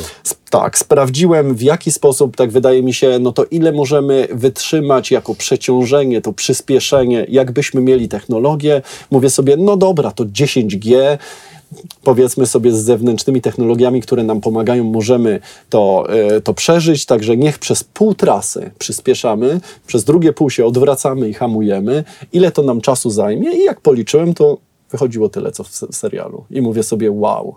Czyli Także- mieli tam naukowców na planie, którzy to wszystko kontrolowali. na pewno mieli bardzo dobre, merytoryczne źródła, żeby tak, żeby to uwiarygodnić. Podobno książki są lepsze niż serial, ale książek nie czytałem. Ale to zapamiętam i obiecuję ci, że zobaczę nawet dzisiaj jadąc nad morze ze spektaklem, z teatrem, spróbuję to gdzieś tam wyszperać na HBO. G to jest to samo, co Tom Cruise w Mavericku, tak i tam też przeciążenia 10G, tam coś tak, tam, ile tak, wytrzyma? tak, To o tym dokładnie, G. Dobra. tak.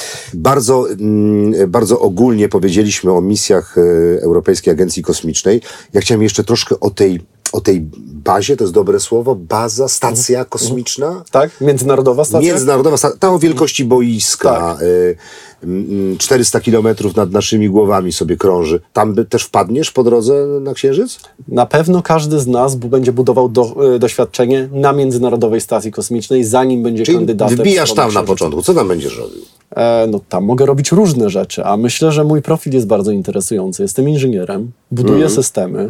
Dla wielkiego zderzacza hadronów testowałem Mhm. systemy i przeprowadzałem no, tą szeroko rozumianą operację, czyli, Mhm. czyli mm, e, u- używanie tych wszystkich systemów, żeby dostarczyć te rezultaty dla fizyków tutaj. Mhm. I wyobrażam sobie, że praca astronauty na Międzynarodowej Stacji Kosmicznej jest podobna.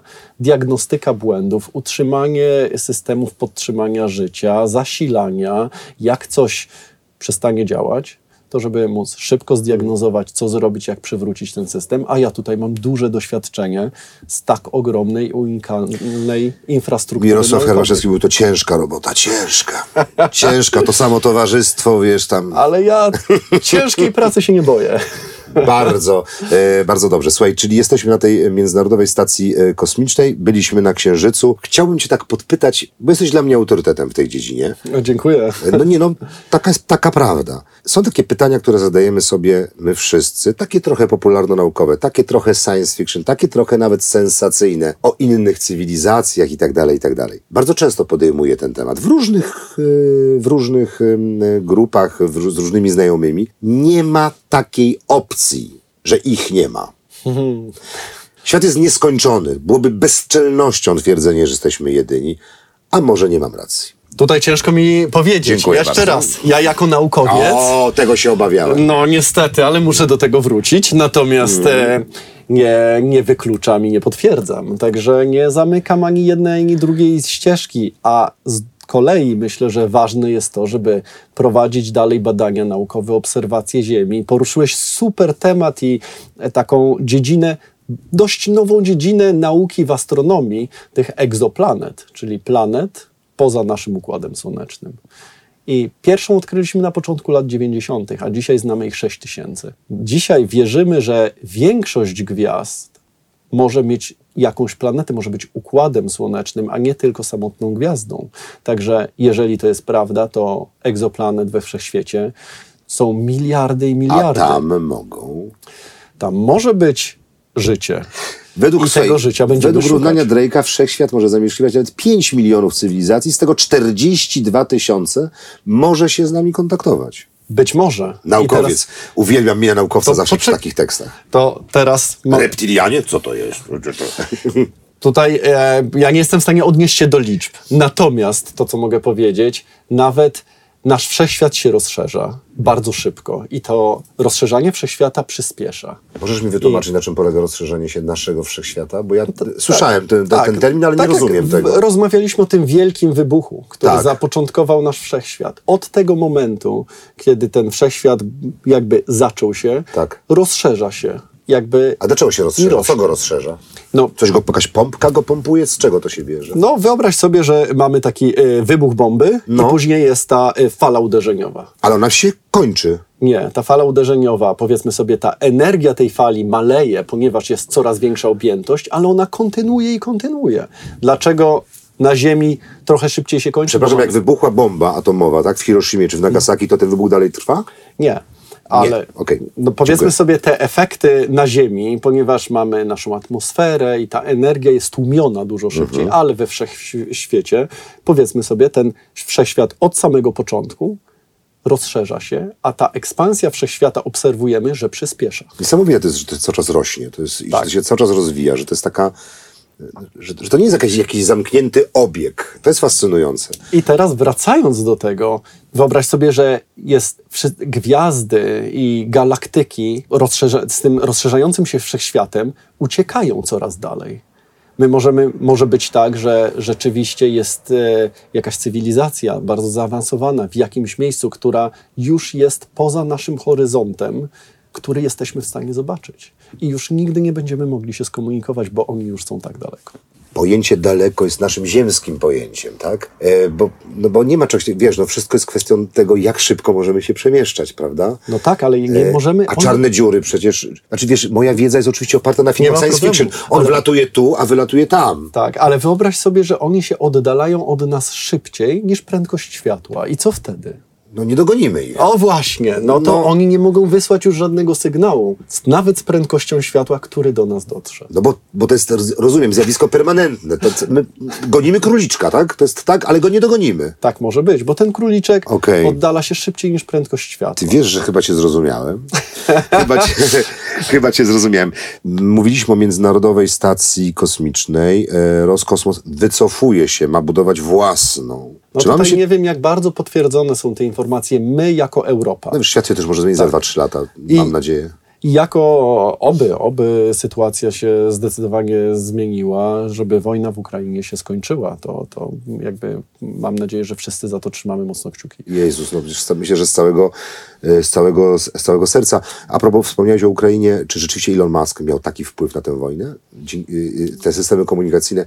Ja często mam takiego pasjonata, wiesz, po drugiej stronie ulicy, pozdrawiam cię Łukaszku, który kocha kosmos i on zawsze wie, kiedy pociąg Maska prze, przeleci. Tak. I wychodzimy na zewnątrz i oglądamy. Piękne Tak. to zjawisko. To to jest właśnie to, co daje komunikację Ukraińcom? To, to, to, tak, to tak działa? Dobrze rozumiem? Tak, to znaczy wiem, że te stacje odbiorcze, one się nazywają Dishi z e, firmy, e, ze Starlinka zostały wysłane na Ukrainę, także to zapewnia komunikację. Nie wiem, e, tak jak powiedziałeś, jak duży ma to wpływ. No na ogromny. Ukrainę. Jeżeli zostały odcięte systemy komunikacyjne, no to, tak, to jest og- ogromny. fundamentalny. Tak, zgadza się. I tak jak mówisz, te satelity, które przelatują nad horyzontem, które możemy zobaczyć nawet gołym okiem, a astronomowie na nie narzekają. Dlaczego? Albo, dlatego, że przeszkadzają im obserwować niebo. Ojejku, znaczy, że one przylatują dość szybko. No, ale wyobraź sobie, że robisz takie zdjęcie i długo naświetlasz ten obraz, Okej. na przykład wiele, wiele godzin, a tutaj tych satelitów Zgadzam się. przelatuje bardzo duże, które są dosyć jasne. A będzie ich coraz więcej. Będzie coraz więcej. To jest najlepszy dowód, mocodawcy, ci, którzy decydujecie o finansach, jak już w tej chwili e, technologia kosmiczna może nieprawdopodobnie szybko wpłynąć na to, co dzieje się tutaj na Ziemi. Nawet taki nawet na przykład. wojny, nawet Tak. na wojny niestety. Tak, ale nawet taki przykład, y, wyobraź sobie, że e, te nasze telefony komórkowe mogłyby bezpośrednio komunikować się z satelitami na orbicie. No są telefony satelitarne. Tak, ale wyobraźmy sobie, że teraz te nasze smartfony i iPhony i Samsungi Mhm. i wszystkie inne telefony mogłyby bezpośrednio rozmawiać z konstelacją satelitarną. Możesz mi wytłumaczyć, co by mi to dało? Ale w tym momencie taka technologia kosmiczna i taka firma przejmuje cały rynek telekomunikacyjny na świecie. Taka jest skalowalność Okej. na nasze społeczeństwo. Taki jest duży wpływ technologii kosmicznej. Że rzeczywiście jesteśmy w stanie zmieniać, w jaki sposób myślimy o komunikacji. Przykład Maska jest najlepszym, takim, takim namacalnym przykładem, jak szybko, jak szybko mogą te technologie kosmiczne wpływać na świat, ja, który nas, ja myślę, że to jest, otacza. Tak, że to jest ważne, żebyśmy w Polsce mamy ten potencjał inżynierski, ludzi w To sektorze my budujemy IT. łaziki też przecież, które Budujemy jeżdżą bardzo, po Marsie. Tak, bar, bardzo dużo takiej technologii automatyczno-robotycznej, e, robotycznej z różnych uniwersytetów się pojawia przecież. E, wygrywamy konkursy międzynarodowe, e, różne zespoły z różnych politechnik wygrywają. Także mamy tutaj rzeczywiście sukcesy na arenie międzynarodowej. Prowadzę, e, zdarzało mi się prowadzić e, wiele takich wy- wykładów, warsztatów dla dzieci. Warsztatów rakietowych, gdzie budowaliśmy rakiety, rozmawialiśmy o Układzie Słonecznym i teraz dzieciaki wiedzą tyle o naszym Układzie Słonecznym, że ja jestem po prostu zszokowany ich wiedzą, tak ogromną wiedzą w wieku 7, 8, 9, 10 lat. Pytam się dzieci, a ile księżyców ma Mars? I oni wiedzą ile i wiedzą jak się nazywają. Nie pytaj mnie, dwa. Masz rację, dwa. Na D1. tak. E, Phobos i Deimos. No widzisz, nie jest ze mną źle. Wiedziałem ile i że na D. Super.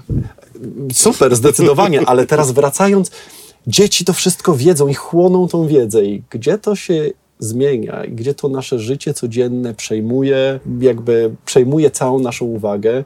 I Wtedy, kiedy trzeba będzie wiedzieć, jaka jest rata, yy, wiesz, kredytu, tak. a nie jak się nazywa księżyc Mars. Ale przez to pr- przestajemy patrzeć w gwiazdy, przestajemy być e, e, zafascynowani nauką, jak ten świat funkcjonuje i nie zadajemy tych pytań, a nawet ta kariera zawodowa, taka, żeby zapłacić tą ratę kredytu, również ją można, e, Można. kontynuować w nauce. A jak I zapominamy o kosmosie, fajny szybko włączamy temat. kontakt z Jodie Foster i zobaczymy, jak niesamowite mogą być te relacje, a nawet bliskie spotkania trzeciego stopnia Spielberga. Tak. I bawmy się, bawmy się tym kosmosem. Słuchaj, Baugmanter skoczył z kosmosu, czy nie? E, już nie pamiętam, jaka to była wysokość. 40 ale- tysięcy. Ale jak postrzegamy tą naszą taką umowną granicę 100 kilometrów, linia Karmana, to, To tej nie. granicy A nie widziałeś ten skok? Widziałem. Uważasz, że to jest challenge? Że Niesamowity. to jest coś nieprawdopodobnego. Tak. Trzy dni temu to włączyłem.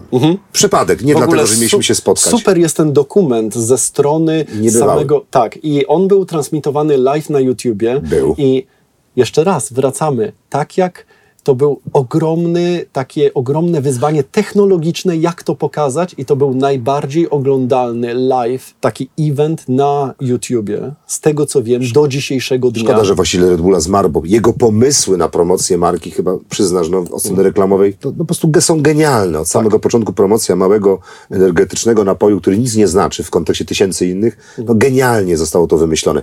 Ty widziałeś ten moment, kiedy on skacze? Skoczyłbyś tak? Widziałem. Podjąłbyś się tego? To... To nie jest moje doświadczenie.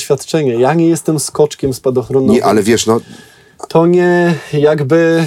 No, to jest na pewno bardzo ryzykowne przedsięwzięcie. no bardzo. Zresztą tam już ta, wiesz, ta, ta ziemia już tak wyglądała, tak. No może to nie był kosmos, ale już była okrągła, już, Tak. już nie było płasko. E, Słuchaj, z takich pytań ciekawostkowych e, zadałem pytanie moim dzieciom, o co mam zapytać Sławosza. Dlaczego nie spadają na nas śmieci na nam na głowę z kosmosu? Przecież tam się, tatuś, tatuś, bo tam te satelity latają, oni kupę robią, a tam coś się dzieje, a tam coś się dzieje, dlaczego ja nic, niczego nie znajduję? No, spadają, ale spalają się w atmosferze. A, I a jak coś do- jest większego? No to je, może spaść. Nie wiem, czy pamiętasz. E, Czelabisk? E, nie, e, stację kosmiczną Mir, którą. No, w dzieciństwie tak, no było. Tak, e, to możesz e, znaleźć na pewno w internecie, jak ta stacja była później sprowadzana na Ziemię i spalała się w atmosferze, ale to jest ogromny e, kawał sprzętu, który nie mógł się w całości spalić i wybrana była taka trajektoria, żeby spadł do oceanu, nie spadł nikomu na głowę. I udało się, spadł do oceanu. Tak? Wiesz, że asteroida zbliża się do Ziemi? Czytałeś? Nie czytałem. Wczoraj E, czytałem. Tak. E, no, dużo asteroidów jest e, wokół w naszym Układzie Słonecznym. No, miejmy nadzieję, że nie na kolizyjnym. No, Czelabińsk, dobrze, dobrze pamiętam, tak? Tam było na, na, na, na tam sporo, ty, parę tysięcy osób było rannych, tak? To była Tego bardzo, nie pamiętam, To była ale to bardzo była poważna dosyć dużo, katastrofa. tak. Bo czy to zagrożenie rzeczywiście jest realne, czy już mamy taki system jak w filmie Armageddon i Bruce Willis poleci i wysadzi w powietrze taką asteroidę jeszcze tuż przed dotarciem do Ziemi? wróciłbym do tego, co Elon Musk mówi, że musimy stać się tą cywilizacją multiplanetarną po to, żeby nie wyginąć jak dinozaury kiedyś. Bo to jest tylko A nie kwestia do czasu. końca wiemy, dlaczego te dinozaury wyginęły, prawda? No, ta asteroida. I ten Asteroida wielki jednak, tak? Ale, Ale teraz wracając do tego, może rzeczywiście to jest tylko kwestia czasu, kiedy coś większego w nas e, będzie na tym kursie kolizyjnym z Ziemią. Znaczy ja się dziwię, że to się jeszcze nie zdarzyło, wiesz? Jednak e, no, no, dużo rzeczy fruwa. Widziałeś też w Gwiezdnych Wojnach, jak oni w pola asteroidów wlatywali. No cała masa jest tych ciał, które Tak, ale- e, w kosmosie się pojawiają. Jak to się dzieje, że to, że to nie uderza w Ziemię? Tak rzadko przynajmniej. No, y, w porównaniu nasza życie na Ziemi, my na, na Ziemi, nasza cywilizacja jest tylko taką małym urywkiem czasu e, z całego wszechświata, który przecież e, to są miliardy lat. Także, a, a nasza cywilizacja, czy życie na Ziemi jest poniżej miliona, są setki tysięcy. Także tutaj jesteśmy tylko bardzo, bardzo małym wyrywkiem czasowym. No a wiemy, że wcześniej było życie na Ziemi, które zostało jednak bardzo mocno e, nadwyrężone ten Dość impact. radykalnie. Słowoszu, gdybyś miał zacząć jeszcze raz swoją karierę, tak samo byś się poprowadził? E, nie wiem, ja lubię swoją karierę. Myślę, że mogłaby wyglądać dosyć podobnie. Dosyć podobnie. Ja lubię budować rzeczy, zawsze lubiłem ten, ten świat dookoła nas w jakiś sposób, czy budować od tych ramp zaczynając do sprzętu naukowego. Także myślę, że nadal bym e, kontynuował podobnie. Być może bym wszedł w tą przestrzeń kosmiczną troszeczkę wcześniej. No ale jeszcze masz e, sporo czasu, nie ma tych e, limitów e, wiekowych, to jest, e, to jest dość ważne. Czyli spotkałem się dzisiaj ze szczęśliwym człowiekiem, kochani, z człowiekiem, który jest spełniony, przed którym tak wiele, za którym już wiele i w trakcie którego tak wiele, który na chwilę zajrzał do Warszawy, znalazł te dwie godziny, żeby się z nami, ze mną spotkać. Słowoszu, bardzo serdecznie na Twoje ręce ukłony dla najbliższych, dla rodziny, dla wszystkich ważnych dla Ciebie osób. Pięknie Ci dziękuję za ten czas. Mega, mega, mega trzymam kciuki za ten, za ten kosmos, bo bardzo chciałbym być na Twoim, e, na twoim miejscu. No, pewnie nie będę. Mała złośliwostka e, na koniec. Ja nie wszedłem na Kilimandżaro, a Słowacz wszedł dwa razy, tak? Bo za wcześnie, bo może nie ta pogoda, bo może lepszych kadrów poszukam. Była to złośliwość. Ty kochasz żeglarstwo, nie do końca się w tej materii spełniłeś, bo nie mogłeś w każdej, bo ty nie byłeś w kadrze polskiej. Byłem. A, a medal był? Nie. A ja właśnie wróciłem z katamaranu w Tajlandii. Super. Nie, nie, nie zazdrościsz? Nie, dlaczego? To super. Jak ludzie robią ciekawe rzeczy dookoła, jeżdżą w ciekawe miejsca, a później dzielą się tym doświadczeniem, to jest tylko inspirujące dla innych. Dobra, Także- dobra jakie wady ma Sławosz? Nawet, nawet, nawet nie jest złośliwy. No mówiłem o tym perfekcjonizmie. No, a to wiesz, nie, nie do końca musi być wada, wiesz? Czyli nie ma. Człowiek bez wad. Nie, każdy ma wady. Ale twoje zachowasz dla siebie. Człowiek bez wad, albo taki człowiek, który je ma, ale o których nie mówi. Sławosz Uznański był e, z nami. Pięknie ci dziękuję. Super. Naprawdę Dzie- było mi mega miło. Dziękuję bardzo i mnie również. Z Nowickim po drodze.